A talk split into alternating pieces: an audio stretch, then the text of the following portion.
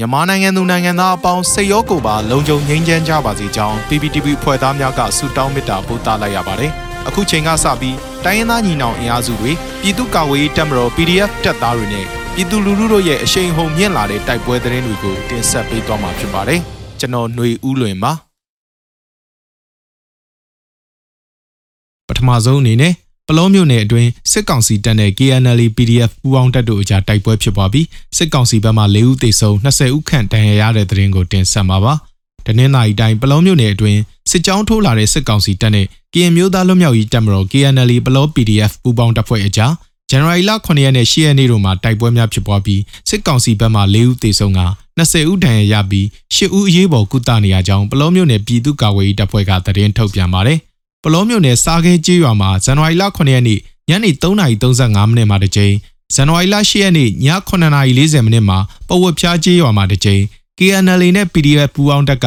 မိုင်းဆွဲတိုက်ခိုက်ခဲ့ခြင်းဖြစ်ကြောင်းသိရပါတယ်။အကြံဘက်စစ်ကောင်စီတပ်မှလက်နက်ကြီးအများအပြားဖြင့်ပစ်ခတ်ပေမဲ့ KNL နဲ့ PDF များထိခိုက်ဒဏ်ရာရရှိမှုမရှိကြောင်းစစ်ကောင်စီတပ်ကပဝက်ဖျားကျေးရွာရှိအများပြည်သူနေငါးလုံးကိုမိရှုဖျက်ဆီးသွားကြောင်းပလော့ PDF ကသတင်းထုတ်ပြန်ပါတယ်။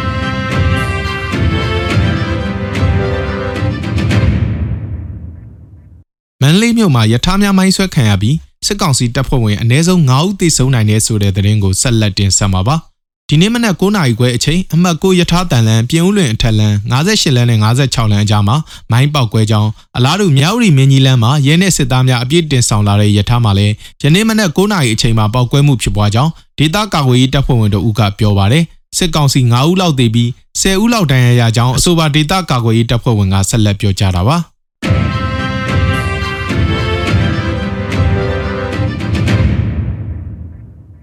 ဆက်လက်ပြီးပသိမ်မုံရလမ်းပိုင်းမှာစစ်ကောင်စီရင်နှန်းမိုင်းဆွဲတိုက်ခိုက်ခံရပြီးစစ်ကားလေးစီးထိမှန်ပြီးအသေးပြောင်များတဲ့တဲ့ရင်ကိုတင်ဆက်မှာပါ။စကိုင်းတိုင်းရင်းမပင်ဘက်မှလာတဲ့အကြမ်းဖက်စစ်ကောင်စီရင်နှန်းကိုပသိမ်မုံရလမ်းငွေကဘာမင်းစီဆိုင်အနီးမှာယနေ့ဇန်နဝါရီလ9ရက်နေ့မနက်9:30မိနစ်မှာပြည်သူ့ကာကွယ်ရေးတပ်ဖွဲ့၃ဘွဲ့ကမိုင်းဆွဲတိုက်ခိုက်ခဲ့ပြီးစစ်ကားလေးစီးထိမှန်ကအသေးအပြောင်များနိုင်ကြောင်းဒေသခံပြည်သူ့ကာကွယ်ရေးတပ်ဖွဲ့ဝင်တာဝန်ရှိသူတို့ကပြောပါတယ်။အဆိုပါမိုင်းဆွဲတိုက်ခိုက်ခြင်းကိုဒေသခံပြည်သူ့ကာကွယ်ရေးတပ်ဖွဲ့များဖြစ်တဲ့ One Star Task Force မုံရွာ Truth of Force Triple 2တပ်ဖွဲ့တို့ကပြုလုပ်ခဲ့ခြင်းဖြစ်ကြောင်းသိရပါတယ်။